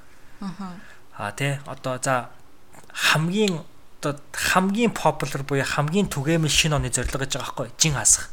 Ерөөс энэ бол альва оны бүр хамгийн шилдэг одоо зорилго те. Гэтэл өнөөдөр жин хасах гэдэг нь бол зарим хүмүүс одоо бид нар шууд ингээд жин хасах айгүй комплекс буюу айгүй ийм одоо нүсэр том зүйлээр ингэж боддог те. Аа зарим хүмүүс нь болохоор магадгүй эсрэгээрээ нэг юм уугаад ч юм уу нэг одоо тураадаг цай уугаад ч юм уу те турчна гэж боддог. Гэхдээ а өнөөдөр өнөөдөр үнэхээр жин хасна гэдэг бол эцсийн эцэст калоро идэх хэвээр калороос бага калори идэх нэгт те а хоёрт болохоор биеийн тамир тасгалаар одоо байнга хичээлэх гэсэн одоо ийм одоо ийм хоёр зүйл бол мэдээж хэрэг олон цаг жилийн хугацаанд ингэ шалгараад үлдсэн л хоёр зүйл нь шүү дээ. Тэгвэл өнөөдөр энэ хоёроо ингэж бодхоос илүүтэйгээр өнөөдөр бид нар аюу тийм зорилгоудаа ингээд нэгт тавьчихад түүнийг айгүйх нүсэр зүйл гэж ойлгоод аль эсвэл айгүйх амархан бэлэгчин гэж зүйл ойлгоод яг нөгөө практикт алхмуудад тодорхойлдоггүй. Өнөөдөр яг 2018 онд би 5 кг жин хаснаа гэдэг зорилго тавьсан бол өнөөдөр 5 кг-аа за 12-т хуваалаа гэж бодоход эхний сард нь хэдэн одоо грамм хасах хэрэгтэй юм те. Тэрийг хасахын тулд өнөөдөр та хэдийн хэмжээний калори идэх хэрэгтэй юм те. А хэдийн хэмжээний тасал хийх хэрэгтэй юм. За ингээд эдрийга тодорхойлоо те. А эдрийга тодорхойлсныхаа дараа за одоо 1 сарын 1 нэг өдөр За тэгвэл 1 сарын 3-нд би одоо 3 дахь өдөр хамгийн ихний воркаут буюу одоо биеийн тавирын тасалаа хийнэ гэд ингээд нэг тодорхойлчлаа тий. Тэр 7 хоногт 3 удаа воркаут хийн.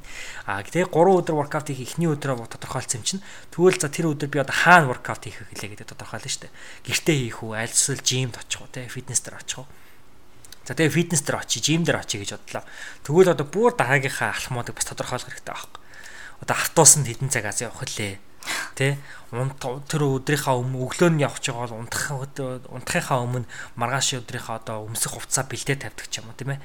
Иймэрхүү жижиг жижиг практикт алхмуудаа авах дээр л бид нэр жоохон юу яагаад идэм болов алдаад идэм болов гэж би бол нэгт харж байгаа. Тэгээ хоёрт бол яахын аргагүй урам зоригийн л асуудал яадаг мотивашн те. А би болохоор тэгж боддог гэсэн юм. Юмыг хоош нь тавьдаг, procrastinate хийн гэдэг бол сэтгэл зүйн асуудал юм байна л гэж би айгүйх боддог гэсэн юм. Тэгсэн чинь сэтгэл зүйч тий айгүйх удаан бас судалсан юм байна л та. Тэгээд meta analysis гэж хэлдэг олон сэтгэл одоо олон шинж одоо шинжлэх ухааны одоо юунууд судалгаанууд нийлүүлээд анализ хийх мета анализ гэдэг. Тэрэн дээр болохоор юу яаж нэхэр ерөөсөл юмыг хоош нь тавьж байгаа хүмүүс уран зоригоор дутдаг гэж байгаа. Аа. Тэгэхээр хоёр дахь зүйл нь уран зориг байдаг. За чиний хувьд гэж бодож байна. Чиний ярьж байгаа юмнаас бол би ингээд бодлоо л та. Би хамгийн их нь ингээд ярьсан ш та хоёулаа хаал зам үерхэл юм тодорхой байх тусам одоо ингээд улам ихтгэлтэй болдог гэх. Тэгээд ер нь бол тэгээд одоо нэг зорилго тавьчаад тэрийг улам тодорхойлоо тий. За жин хасах одоо зорилготой юм бол хэдэн гэлээр амжин хасах юм. Тэр жин хасахын хандлаа яг юу хийх ёстой юм. Тэрийгэ тодорхойлж ийж ер нь юм одоо хүрхүйц болдог баг. Тэгээ би би бас яг өөрийнхөө хувийн туршлагаас ингээ ярихад би ингээд 2015 онд ингээд яг хамгийн анх удаага ингээ New Year's resolution бичиж байгаа байхгүй юу. Тэн дээр юу байсан бэ гэхээр одоо бясалгал хийх тийм. Бясалгал хийх тэгээл нэг тиймэрхүү яг юу ясныг санахгүй яг гэхдээ хамгийн яг санаж байгаа юм бол бясалгал хийх. Тэг би тэрнээс хойш би шинэ жил гараад ч би нэг ч удаа бясалгал хийгээгүй Тэгээ ер нь бол тэр жилдээ бол би баг бясалгал хийгээгүй ба. Тэгтээ бол би бол яг бясалгал хийхийн одоо юу гэдэг үр шим нь юу гэдэг гэдгийг би ингээд судалсан. Тэгэл за шинэ жил гараад бясалгал хийж эхлэндээ одоо энийг өдрийнхөө habit болгондоо гэж бодцоод хийгээгүй. Тэгээ би яагаад хийгээгүй юм болоо гэж би одоо бодож байгаа байхгүй. Тэгэхэд бол би тэр тэр New Year's resolution гэж би зүгээр Word document компьютер дээрээ Word document дотор тэгээл зүгээр хадгалсан. Тэрийгээ би дахиж тэр 12 сарын 31-ний өдөр бичсэн өдрөөсөө хойш би хизээч компьютераасаа ингээд хайгаад орж харааг байхгүй. Хэрвээ би тэр одоо документыг ингээд хэвлж гаргаа ширээнийхээ хажууд байлгаад те өдөр болго ингээд харж исэн бол магадгүй би өдөр болгон бясалгах гэсэн юм билүү. Тэгээд тийм болохоор ер нь зорилго тавьсан ба тэгээ тэр зорилгоо үргэлж удаа ингээ харж өөрийгөө тэгж сануулах хэрэгтэй юм шиг надад санагддаг. Зөв зөв тэнд яг үнэн үнэн аа медиум байхгүй. Тэгээ цаас гэдэг бол медиум байгаа байхгүй ингээ аваад наачаар тэ. Гэтэ би бас яг наадан дээр чинь юу ямар тэгэхээр би бас юу бодож чинь хэрэг компьютер дээр бичих, цаасан дээр бичих хоёр бас айгүй ондоо байдаг те. Тэгээд бас яг нэг Харвардын их сургуулийн юу байсан санагдаж байна судалгаа. Цаасан дээр бичсэн зүйлийн биелэх магадлал 15%-аар илүүтэй илүү байдаг гэж байгаа байхгүй. Тэгээд тэр нь болохоор зүгээр л нэг удаагийн судалгаан дээр тодорхойлсон зүйл байсан санагдаж байна. Ерөөсөө ингээд компьютер дээр нэг бэлсэг зорилгоудаа бичсэн хүмүүс ерөөсөө бичээгүй хүмүүс аа тэгээ яг цаасан дээр бичсэн хүмүүс энэ гурвыг харьцуулахад бол цаасан дээр бичсэн хүмүүс нь илүү яг тэр зорилгыг одоо биелүүлсэн нь л өндөр байгаа хэрэг. Тэгэхээр бас бас зүгээр энд нэмээд зүг хэлэх нэг практикал зөвлөгөө нь гэвэл тэмдэглэл хөтлөх буюу одоо яг энэ 18 он зөрхийг зорж байгаа юмнууд бол яг дараагийн хэлж байгаагаар цаасан дээр бичээд түүнийг нүдэнд харагдах ойр газар л тавих байгаа байхгүй тий. Эсвэл яг үрийн тэмдэглэж юм байнга нээж харж идэх тэр тэмдэглэлтэй. Тэгээ би ер нь бол 2015 оноос хойш планер гэдэг зүйлийг айгүй хэрэгэлдэг болсон байхгүй юу. Тэгээд зүудний планер бас гэдэг зүйлсээр ирсэн тийм ээ. Зүудний тэмдэглэл. Тийм ер нь бол тэгээд өдөр тутмын хичээлдээ бол би айгүй планер хэрэгэлдэг байсан. Тэгээд планер хэрэглэхийн ач тус ач тус нь яг миний хувьд болохоор би яг ингээ юм биччихэд одоо тэр өдрийнхөө хийх ёстой юмнуудыг биччихэд тэгээд бүх зүйлийнхаа хийснийхаа дараа тэр зүйлийг ингэж одоо ингээд чеклэх монголоор юу гэдэг юм бэ тэрийг одоо ингээд дугуулах ч юм уу гэдэг дээрээс нь ингээд за энийг хийцэндээ гэдэг монголчууд дарчих гэдэг. Хийцэндээ гэдэг дарчхаар дарах надад амар кайфтай санагддаг байсан яа кайфтай санагддаг байсан бэхээр за би энэ өдөр ийм юм бүтээсэн байна ийм юм accomplish хийсэн байна гэд өөрийгөө одоо жоохон ингээд за за би ч ингээд болж байгаа юм биш үү гэд тийж бодох нэг тийм одоо жижигхэн момент ч юм уу тийж гардаг байсан болохоор би яг цаасан дээр бичээд тэрийг ингээд дарах аяг утгартай байсан. Тийм болохоор би аяг планер хэрэгэлдэг байсан. Гэтэ би энэ жил бол өстө планер хэрэглэв. Гэтэ би одоо планер хэрэглэнэ.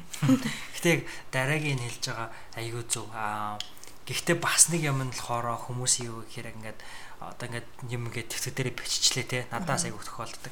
Тэгээ нөгөөдгөө ингээд хийгээгүй болохоор тэрнээс айгу хөсдөглийн зовлон авдаг.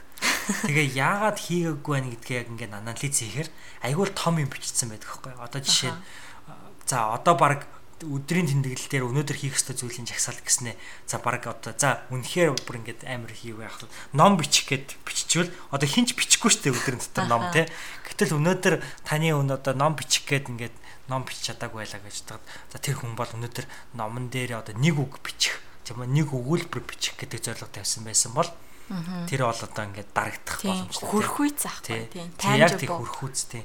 Тэгэхээр хөрхүүц жижиг жижиг одоо зүйлүүдэд л өөрийнхөө зорилгыг олон хувааж одоо хийх хэрэгтэй. Аха. Тийм. Тэгээд би бит хоёр бит хоёр болохоор тэрийг айгүйх сануулмаар байгаа яг 18 ондоо ингээд ингээд амжилтанд хүрэхэд бол нэгт бол яг тэрэн дээрээ байх хэрэгтэй хаа. За тэгээд одоо хоёулаа болохоро дараагийнхаа онцлог зүйлэр рүүгээ орцгоё. Тэгээд дараагийн онцлог зүйл нь юу вэ гэхээр өнөөдөр 18 ондоо өөрсдөөсөө хол байлгах хүмүүс гэж бид одоо хоёроо хэлсэн байгаа. Тэгээд яг яг шууд утгаараа бас хол байлгах биш. Яагаад гэвэл бид хоёр энэ чинь болохоор Brandon Burchard-ийн Motivation Manifesto гэдэг номноос одоо жишээ авах гэж байгаа. Тэгээд тэр жишээ номон дээр энэ номон дээр Brandon Burchard одоо өөрсдөөсөө хол байлгах хэвээр гурван төрлийн үнийг тодорхойлсон байгаа байхгүй. Нэгт нь болохоор warriors буюу одоо санаа зовгчд те а гуравт нь болохоор weaklings буюу одоо сул дорооч тий сул дорой болгогч юм. Тэгээд эвдлэж химхэлэгч ч бас байж болохоор ч юм шиг. Тий тэгээд гуравт нь болохоор одоо weaked буюу солиотой. Тий шолон төрлийн юмасаа тэгээд энэ гурван төрлийн хүмүүсийг бит хоёр бол хайлт хайлт дурдаад тэгээ яа энэ хүмүүст яаж харьцах? Дээр нь өөрсдийнхээ бас бодож байгааг нэмээд хэлмээр байгаа Тэгээд нэг юм үг гэдэг штэ. Та өөрийнхөө нөхөрлж хамгийн их цагийг өнгөрүүлж байгаа таван хүний нийлбэрээ гэж. Тийм л үг гэдэг штэ. Тэгэхээр өнөөдөр бид нэр айгүй олон хүмүүстэй амьдралдаа ингээ заавал хамт байх хэрэгтэй юм шиг. Тэр хүмүүсээс бүр ингээ нэг заавал ингээ нэг хамааралтай байх хэрэгтэй юм шиг. Тийм хүмүүс бол хүн болгоны амьдрал ингээ байгаа байх. А гэтэл өнөөдөр та тэр тэр хүмүүс чинь танд мэддэхгүйгээр таныг одоо хоош нь татаад хойш нь татаад яа тийм ээ. Ингээ байх магадaltaй учраас тэр хүмүүстэй нэг бол бойл энийга эсвэл би явлаа гэдгийг одоо ингээд тодорхой болгоосоо гэж ер нь олон хүмүүс би захиж хэлмээр байгаа. Яг тэгэхээр энэ бол миний хувьд ч гэсэндээ 18 онд бол зорж байгаа олон зүйл юм бол одоо нэг. Аа гэтээ зүгээр азтай тохиолдлоор бол миний амьдралд бол тийм одоо олон хүмүүс л байхгүй нэг. Ингээд одоо түлхээд ахаар гэтээ ер нь бол энийг би айгуу чухал гэж боддог байхгүй. За тэгээ хоёул ихний төрлийн хүмүүс яри те. За. За ихний төрлийн хүмүүс нь санаа зовгчтой. За тэр нь хэн байж болох вэ? Одоо хитрхи их зүйлд санаа зовдөг. Юмны хамгийн бүр хамгийн хамгийн байж болох муу зүйлийг нь ингэж одоо гаргаж ирээд тэрэндээ санаа зовоод хий санаа зовдөг тийм хүмүүс. Одоо жишээлбэл чи ингээл амар гоё ингээл амар гоё adventure дээр одоо чи одоо нэг найзтайгаа ингээд ханан дайврыг одоо хадан дайврыг гэлт гисэн чинь өө нисээд өгчүүл яах юм гэдэг ч юм уу те. Тиймэрхүү хүмүүс. Аа гэтээ бас тэдгээр төрлийн хүмүүс нь бол шууд утгаараа одоо муу хүмүүс биш. Ягаад гэвэл тэр хүмүүс бас хаанаас нь санаа зовоод байна яг тэр санаа зовоод байгаа сэтгэл нь хаанаас нь гараад байна гэдэг нь айгүй чухал байгаа байхгүй. Одоо танаа ээж ч яж болно тэр төрлийн хүмүүс. Жишээ нь ээж нэр одоо ингээ хүүхдүүдийг жоохон багт нь цаас надаас буу унчваач гэдэг юм уу те. Тэгэхээр хүүхдүүд ингээд эрсдэлтэй ингээ алхам авахаар ингээ хүүхдүүдэд бити ингээ битийдэг гэдэг те. А гэтэл өнөөдөр тэгж одоо айгүйх бити бити гэсэн хүүхдүүд бас тодорхой хэмжээгээр яаж хохирдог вүлээ те. Ингээл өрсөлдөлтөй алхмаас айхахаас айдаг болчдөг ч юм уу. Янз бүрийн шин зүйл туршихаас ингээ айдаг болчдөг ч юм уу те. Гэтэл үнэндээ тэр ээжүүд нь тэр хүүхдэд санаа зовоол миний хүү бити наадан дээр гарч идэв юм уу. Бити ингэдэг гэсэн байгаа шүү. А одоо бас бодоод танд одоо санаа зовж байгаа ажлыг чинь бас хүн байж болж чинь те. Ингээд хамт ажилладаг. Тэгээд ингээд одоо таны ингээд ажлын позишн одоо ажлаа алт алдчих вэ гэдэг таныг санаа зовд те. Бити эрсдэлтэй алхам аваа халагдчих чинь билүү гэдэг ингээд чам санаа зовд идэг. Гэтэл нөөдө тэр эрсдэлтэй алхамыг авснаар та хийгээ таны байгууллага амжилтанд хүрэх магадaltaй чинь билүү те. Тэгэхээр тэр хүмүүс бол шууд утгаараа таныг хорлох гээд байгаа даа нэг тийм юм хэлээд байгаа биш. Те ер нь их тохиолдолтой гэтээ ер нь бол ингээд таныг мэддэхгүйгээ та өөрөө ч баг царим тохиолдолд мэддэггүйгээр тэр хүмүүс таныг хоошин татаад байгаа гэдгийг. Тэгвэл гэхдээ тиймэрхүү хүмүүсийг амьдралаасаа одоо кат хийн гэдэг бол жоох хэцүү юм дээ. Тий. Тэгэхээр хэлэх хэрэгтэй байхгүй. Та ингэж байна ээжээ. Би ийм амжилтанд хүрмээр байна, ийм хиймээр байна. Гэтэл та ингэж ах ингэж гэж юм уу те. Гэхдээ бас хэлэх хэрэгтэй байхгүй. Би таныг яагаад одоо ингэж хэлж байгааг ойлгож байна ээжээ. Яагаад ингэж чамайг юунаас айж байгааг чи мэдэж байна хамт найзаа ч гэдэг юм уу те. Ингээл одоо найз өхөн ч бас байж болно дээ найз залуу те. Найз залуу нь ингээд найз залуу нь ингээд за найз залуу нь ингээд хистэлтэй алхам авах гээд хахад найз өхөн нь ингээд биний ар бити тэгээ ч гэдэг юм ингээд бас ягаад гэвэл нэр найз өхөн биний ар нам надад санаа зовд ингэж байгааг нь ойлгож байна гэтээ хайр нэнийг хийчих юм бол ийм юм төрөх гээд байна гэдэг ингээд ойлгох хэрэгтэй байна. Тэгэхээр тэр хүмүүсийг бас давраахгүй байх алхмуудыг авах хэрэгтэй ч юм уу. Өөр нэмжлэх зүйл байна. Яг энэ санаа зовгч дээр үү? Тэгэхээр ер нь бол гол санаа нь юу гэх юм бол энэ хүмүүсийн тэр санаа зовж байгаа сэтгэл нь нэгт хаанаас гарч байгаа вэ гэдгийг нь ойлгоод хоёрт а мөн эдгээр хүмүүс хэдий тань санаа зовж байгаа чинь танд одоо муугар нөлөөлөд байж магадгүй шүү гэдгийг ойлгоод үнийгээ тэр хүмүүст одоо хайрын үүднээс л ойлгуулж хэлэх хэрэгтэй байхгүй. Ахаа тэр хүмүүс үнэхээр танд хайртай учраас санаа зовж байгаа юм чинь үнэхээр хайртай бол таныг мөн одоо тэр комфорт зоноосоо буюу тэр тав тухтай бүсээсээ гарах тань тэр хүмүүс бас туслах тийм үүрэгтэй л байхгүй. Тийм. Тийм учраас айлгүй тэрийг мэддэг хэрэгтэй байна. За дараагийн төрлийн хүмүүс нь дараагийн төрлийн хүмүүс нь болохоор weaklings гэж байгаа тийм. Одоо сул одоо яг юу гэхээр чи weak гэдэг чи өөрөө сул дараа гэсэн үг тийм. Weakling гэхээр одоо нэг ингээд зөв утга нь би сайн мэдэхгүй ингээд байгаа ч гэсэн тийм. Зөв ерөөсөө ингээд нэг тийм химхрэх нэг тийм химэглэгч юм ярьж юм шиг. Тэр хүмүүс нь ямар төрлийн хүмүүс вэ гэхээр одоо voice-тэй жоон нийтлээр төстэй одоо ингээд яг эрсдэлтэй алхам авах гэсэн чинь аппетитийг өгшөө. Ач тийм юм биш үү гэл ингэдэгтэй. Гэтэл яг үнэндээ яагаад тэгэж хэлж байна гэхээр цаад одоо нөгөө нэг бити тэгээ бити ингээ гэдэг нь нөгөө санаа зовгчт нь болохоор хайраас гарч исэн бол энэ weakling гэсэн нь болохоор хардталтаас ч юм уу одоо алтаа хорслоос тийм гарч идэг. Одоо таныг одоо энэ алхмыг аваад амжилтанд хүрчих үедээ гэж айсандаа худлаа наагаараа сайн хүн болж ээ тийм юм биш үү гэдэг хүмүүс. Аха. Тийм хүмүүс бол ер нь би бол олон таарч ирсэн. Тий. Тэгэхээр танихад бас хэцүү те. Яг хаанаас яагаад энэ хүн ингэж байгаа. Энэ намайг хайрлаад байна уу? Эсвэл надад хатаархаад байна уу? Тий. Яагаад намайг ингэж одоо ингэж гэдгийг нь заагаад байгаа юм. Ер нь бол тиймэрхүү хүмүүс бол надад бол олон л таарч ирсэн. Тэгэхээр яг энэ төрлийн хүмүүстэй бас л айгүйх ярилцах хэрэгтэй ах. Яагаад гэвэл бас бид нэр мэдээч хэрэг хин нэгний талаас буруу ойлголтыг бас өөрсөндөө тээжж болохгүй. Аа тэгэхээр бол хийх хэрэгтэй те. Яагаад ингэж байгаа? Гэтэ үнэхээр тэгээ ата хорсол ата чөтөөгөөс олж чам тэгээд байгаа бол тэр ам тэр үнийг бол шууд амьдралаасаа гадлах хэрэгтэй. Баяртай. Тэгээ тэрийг харин яг зүгээр яг 100% яг айн хүү яг л ингээд хатаархаад байгаа юм байна гэдгийг нь бол тодорхойлох хэрэгтэй гэж бодож байна. Ер нь тиймэрхүү хүмүүс ихэнхдээ л ер нь тэгээд одоо эмгтэй хүн бол өөр нэг эмхтэй найз ч юм уу. Хизээ ч ээж нь охиндоо хатаархна гэж байхгүй те. Тийм болохоор ер нь ихэнхдээ л тэгэл яг одоо хамт ажилладаг хүмүүс ч юм уу эсвэл яг бүр ингээд чин сэтгэлээсээ найзлдаггүй тэгсэн мөртлөө чамайг ингээд юм юмнаас татаад байвал most likely тэр хүн бол чамд татаарах байна. Жишээ нь одоо юу ажиллана шүү дээ. За амжилт амжилт кейсээ илүү одоо за чи ингээд нэг амар царайлаг залуутай ирэх гээд байдаг Гэтэл одоо ингээ нэг эмхтэй найз чинь ч юм уу чам татархаад иж болдог ч юм уу те тэгснэ наазлуу чинь ингээд амар дими залуу малуу гэдэг ч юм уу ийм бас байж болно.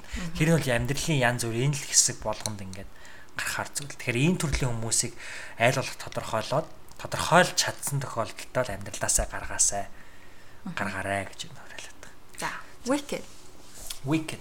За энэ нь болохоор муу хүмүүс. Эсвэл муу хүмүүс. Аха. Тодорхой байдаг шүү дээ, тий ерөөсөө л за эдгээр нь болохоор энэ weakling гэсээ бодвол бүр ингээд арай шууд яг нэг юм гэвэл эдийг тодорхойлоод айгаа амархан. Ягаад гэхээр шууд таныг янз бүрийн муу мухаа үгээр болоод дайрдаг. Тэнэг юм уу? Чи одоо донтой юм уу? Тэ? Чи одоо хизээс амжилтанд хүрэхгүй. Тэ? Чи одоо хизээж одоо ингэж чадахгүй. Чи угаасаа ийм хувь заяатай ч гэх юм ингээд хамгийн муухай өгөөдөр сэтгэлээ чинь гомдоомоор тийм хүмүүс л байхгүй Аа тэгээд за тэгээд зарим тохиолдолд бол бүр энэ одоо хатаа хорсол энэ муу мухай зүйл нь бүр одоо аимшигын байдлаар боо одоо би биед чинь халдах байдлаар ч илэрч болно те зохиод зодох ч юм уу янз бүрийн юм байж байна. Тэгэхээр энэ хүмүүсээс бол шууд халдах хэрэгтэй. Гэхдээ тийм хүмүүс хэрвээ чинь нэ одоо гэр бүлтэй ч юм байвал яах вэ? Аюу хэцүү. Гэтэ энэ зүйлийг бол яг ийм зүйл байгаа бол би яг энэ үнийг сонсож байгаад яг ийм зүйл байгаа хүн байвал тэр тоглоомч сэтгэл зүйчтэй ч юм уу те яг мэрэгжлийн үнээс нь л зөвлөгөө авах хэрэгтэй гэж тоглоомч бодож байна. Тэгээ яагаад яагаад би нэг хэлж чинь гэхээр өнөөдөр Монгол 90-од он гарснаас хойш сэтгэл зүйн салбар гэдэг бол Монголд хараахан бас яг одоо энэ барууныхын яасан хөгжөөг байгаа тийм. Гэтэл өнөөдөр тэр сэтгэл зүйч гэдэг бол ямар хэрэгтэй хүмүүс илээ доор хаяал өнөөдөр сэтгэл зүйчний хамгийн ихний хүн зөвлөгөө өгж байгаа зөвлөгөө гэвэл бусдыг сонсох л гэж байгаа байхгүй. Тэгэхээр ерөөсөө л өнөөдөр та өөрийгөө уучлах тэр хүмүүсийг бас олж сонсох хүмүүсийг олж яах хэрэгтэй. Тэгэхээр айгүй хүн ярилцах хэрэгтэй байна. Тий. Яг ямар практик алхмад авах тэр одоо хэлэхэд хэцүү л. Тий. Мэргэжлийн үнээс нь зөвлөгөө аваарэ гэж тэн дээр бол наад гурван төрлийн хүнээс чинь гадна надаа яг өөрийн туршлагаасаа ярихад бол би энэ одоо энэ өнгөрсөн надаа айгүй олон хий хоосон дими одоо ямар ч утга учиргүй үерхэл нөхөрлөл надаа байсан юм шиг надаа санагдсан л та. Одоо хідэн одоо хүмүүстэй нийлээд тэр одоо үерхэл нөхөрлөөс би одоо юу ч одоо benefit хийхгүй зүгээр л цагийг дэмий нөхтөөсөн юм шиг надад санагдсан. Тэгээд одоо тэд нар надад хатаа хатаа хорсол одоо нэг хатаархаал юмыг надаас хойш нь татаад байгаагүй. Тэд нар намайг одоо ингээд юу гэдэг чи өстой тийм юм чадахгүй энэ дээрээ гэж хэлдэггүй. Тэд нар одоо намайг те ер нь бэлтэж хэмтэйгээгүй. Бэлтэж хэмтэйгээгүй. Тэгсэн мөртлөө бүр юу ч хийж одоо ямар ч бүр бүтээмжтэй юм хийгээгүй. Тэгэл ямар ч одоо хөрхүйц тийм одоо гой дурсамж бүтээгээгүй. Тийм одоо үерхэл нөхөрлөлтэй байвал яах вэ? Яг наатан дээр чинь би зөв сүүлийн үед айгүйх бодогдоод байгаа зүйл юу гэхээр бид нар зүгээр зарим хүмүүсийг зарим зүйлийг нь let it go гэдэг шүү дээ. Яг л тэр айгүй чухал юм санагдаад байгаа. Одоо жишээ нь За бүр ингээд 10 жилээсээ нөхөрлж ирсэн зарим найзууд чинь үнэхээр л амьдралын жам ёсоор бол таны амьдралаас байхгүй болох хэвээр. Ягаад үл тэр хүмүүс таны амьдрал дахиж одоо үйлчлэхгүй. Та зөв дипломат ёсон суралж исэн хүний үндээс ярих юм бол хүн болгонтэй найз хэвээрээ үлдэх хэвээр. Хизээ шинтэй дайсагнах ёсгүй. А гэхдээ танд хэрвээ тэр хүн дахиж үйлчлэх ёсгүй бол та тэр хүнийг орхих хэрэгтэй л байхгүй. Тэгэхээр зөв тэр нь юу муугаар хэлээгүй шүү дээ. Ягаад гэвэл танд шинэ хүмүүс хэрэгтэй. Тэр хүмүүст ч гэсэн шинэ хүн хэрэгтэй байхгүй. Тэгэхээр тэр боломжийг нь тэр орон зайг нь л үлдээгээд явах л ёстой болчих жоох. Тий. Надад бол тэгээд ер нь бол 10 жилээсээ хойш найзлсан гээл зөндөл найзууд байдаг л та. Тэгээд яг ингээд жил өнгөрөх тусам зорилго нь өөр өөр болоод яг хийж бүтээж байгаа зүйлүүд нь өөр өөр болоод ирэхээр тэгээ яалтчгүй өөр өөр замаар л явж байгаа байхгүй. Тий. Тэгээ зөвөр одоо миний хувьд ч гэсэн одоо 10 жилийн зөндөөл найзууд байгаа. А тэр найзуудтайгаа бол заримтай нь дотн, заримтай нь дотн биш. А гэхдээ дотн биш найзуудыгаа энэ миний найз биш гэж явахгүй штэ. Энэ бол миний найз байсан. А дотроо л нандинч хайрладаг, би хайртай хамтдаа бүтээсэн тэр дурсамжтай өдрүүдэд бол үргэлж бодож одоо санаж явдаг. А Гэхдээ өнөөдөр уучлаарай бит хоёрт дахиад одоо гурав алхах одоо түүх байхгүй бол бит хоёр өөрөөсөө халахмаар явах хэрэгтэй. Салыг гэж салсангүү дээ салаа зам ихээр саллаа гэдэг чинь тийм. Яг л тэр болохоор энэ одоо энэ дээр санагдаад байна. Тийм. Тийм. Тэгэхээр ер нь бол бас одоо энэ сонсож байгаа 18 он бас салах хэрэгтэй. Зөвхөн одоо ингээд цагийн аясаар салах хүмүүс ирвэл салаад яваараа нэх амар одоо түүндээ харамсаад ч юм уу ингээд байх хэрэг байхгүй гэж л хэлэх нь зөв юм болоо. Аа. Тиа за. Өөр зүйл нь. Өөрөө тэгэл ер нь тэгээд хэрэггүй зүйлсээсээ ер нь тэгээд одоо чи ингээл хавар болохоор ингээл ээж мэд чинь ингээл өвлийн хувцснуудаа далт хийгээл баах юмаа цэвэрлээл гэр орно ингээл цэмцэлэгдэг байсан да. Хавар маавар зам болохоор яг тэрэн шиг л тэгээд одоо хэрэглэхгүй байгаа юмнуудаа тэгээд амьдралаасаа гаргаж хаях л хэрэгтэй байдаг байхгүй юу. Тэгэл ингээл одоо чи ингээд 100 ямар өвлийн хүртэг өмсөх биштэй тэрийгээ далт хийсэн хийх хэрэгтэй те.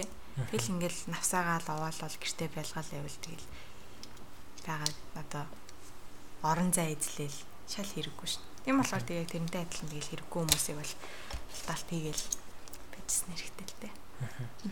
За тийм байна.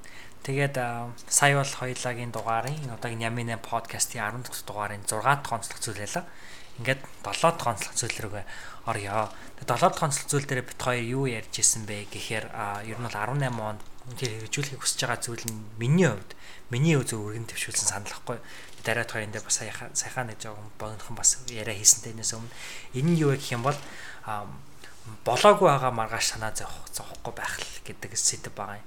Тэгээ зүгээр би энэ дээр зүгээр юу гэж хэлмээр юм гэхээр өнөөдөр таны амьдралд 100000 асуудал за ингээд та 60 насллаа гэж тий цагийн Монголын дундад насл 69 лээ тий за 69 насллаа гэж одоо 67 ч юм уу. Тэгвэл та энэ 67 наслахад та энэ амьдралдаа 100000 асуудалтай байсан гэж байна бай. 10000 асуудал ингээд ботсон тий Гэтэл яг өнөөдөр таны 100000 асуудлын бараг 5000 гаруй нь хизээж амьдралтай тохиолдохгүй. Зүгээр бид нэр хий одоо айж сандарч хий одоо зүйлийг ингэж айж явж исэн. А гэтэл өнөөдөр та маргааш санаа зовж өнгөрсөнд хөлөгдөж байхын үед одоо гэдэг маш гайхалтай цаг үеэ түүнтэйгээ одоо хамт ингээд хайж идэг. Тэгэхээр тэр юуг хэлэх гээд нэхэр одоо цаг мөчөө илүү талархаж 18 онд амьдраасаа гэж ер нь бол хүсэж байгаа. Тийм. Ер нь аль тэгээд ихэнхдээ ингээл айгаа санаа зовоол байгаад идэг. Тэгэл яг тэр зүйлтэй нүр тулгарсныхаа дараа яг үндэ айгаад санаа зовоод ах хэрэггүй л зүйл байдаг гэсэн аахгүй. Яг жишээлбэл би ингээд одоо 15 16 онд амир ингээл юм юмны өмнө ингээл айгүй хайд сандраал ингээл anxiety гэдэг штэ англиар. Тийм байдгүйс ахгүй. Жишээлбэл би одоо ингээд NCS гэдэг програмд ингээд хас өмнө ингээд яа ингээд сте шинэ хүмүүстэй уулзсан муулзсан надад амар сонин санагдаал ингээд айд сандраал. Тэгэхээр яг NCS-ийн дараа бол үнэхээр тэр бол миний амьдралтаа хийжсэн хамгийн зөв алхам. Тэгэхээр гой гой хүмүүстэй танилцаж гоё дурсамж бүтээсэн. Яг яагаад айгаад яснаа би дараа нь ойлгоогүй Тийм. Тэгээ энэ жил бол яг энэ жил 2017 он бол миний үнэхээр айцтайгаа одоо нэг айхаа болсон юм шиг санагддаг. Яг гэвэл би одоо жишээлбэл 15 онд ингээд шинэ газар нүүж очоод шинэ газар олон хүмүүстэй танилцаа, шинэ сургуульд ороод ингээд ажил төрөлд ороод ийм зүйлтэй 15 онд би тулгарх байсан бол магадгүй бид хийхгүй байсан ба. Тэгээ 17 онд бол би тэгээд айцтайгаа нүүрс тулаад нэг айхаа болоод юмны өмнө тэгж anxious байха болсон юм шиг санагдав. Тин тэгээд яг бит хоёр бол яг энийг ингээд дурдсгаад хүсхийг хүссэн. Тэгээд мэдээж хэрэг нь бол маш их одоо комплекс гэж хэлж болохоор зүйл мөртлөө бас нэг өнцгөөс харах юм бол айгүй энгийн зүйл тийм ээ. Ерөөсөө л эцээ эцэст одоо байгаа яг энэ цаг мөчөөл хайрл гэдэг байгаа. Тэгэхээр яг одоо байгаа энэ цаг мөчөө хайрл гэж хэлж байгааг энэ мөчөд өнөөдөр бид нэр таны одоо хормын өмнө ирээдүг гэж бодож исэн тэр ирээдүг та мэдэрч идэг одоо байгаа энэ цаг мөчөө гэж ярьж байгаа үе тэр одоо гэж хэлж исэн үе бол өөрөө өнгөрсөн болж ингэж хувирж идэг. Гэтэл яг өнөөдөр бид нэрт юу үлд байна вэ гэхээр яг одоо яг яг нэг одоо энэ цаг л байгаа байхгүй юу. Тэгэхээр ерөөсөө ирээдүйд юу болохыг мэдэхгүй өнгөрсөнд хичнээн янз бүрийн зүйл болсон чинь та өөрчлөх ямар ч боломжгүй. А тийм учраас зүгээр одоо байгаа энэ цаг үечэл илүү таашааж энэсэл илүү их кафег аваасаа. А ингэснээр одоо байгаа цагтээ илүү их ажралыг олж мэдэрч одоо байгаагаас илүү их одоо нэмийг мэдэрснээр та илүү их зүйлийг амьдралтаа урин дуудах болов гэж би итгэж байгаа период. Тэгэхээр энийг бас ингээд та бүхэндээ сануулахыг хүссэн юм шүү. За тэгээ хамгийн сүүлийн маань 2017 оны Ями 8 подкаст нэвтрүүлгийн маань хамгийн сүүлчийн онцлог 8 дахь зүйл маань болохоор 2018 онд манай Ями 8 подкастын зүгээс зарлах гэж байгаа нэгэн чаленж байгаа. Тэгээ энэ чаленжийнхаа нэрийг нь юу гэж хүсэн бэ гэхээр 18 он 38 ном гэдэг юм чаленж байгаа. Ямар учиртай.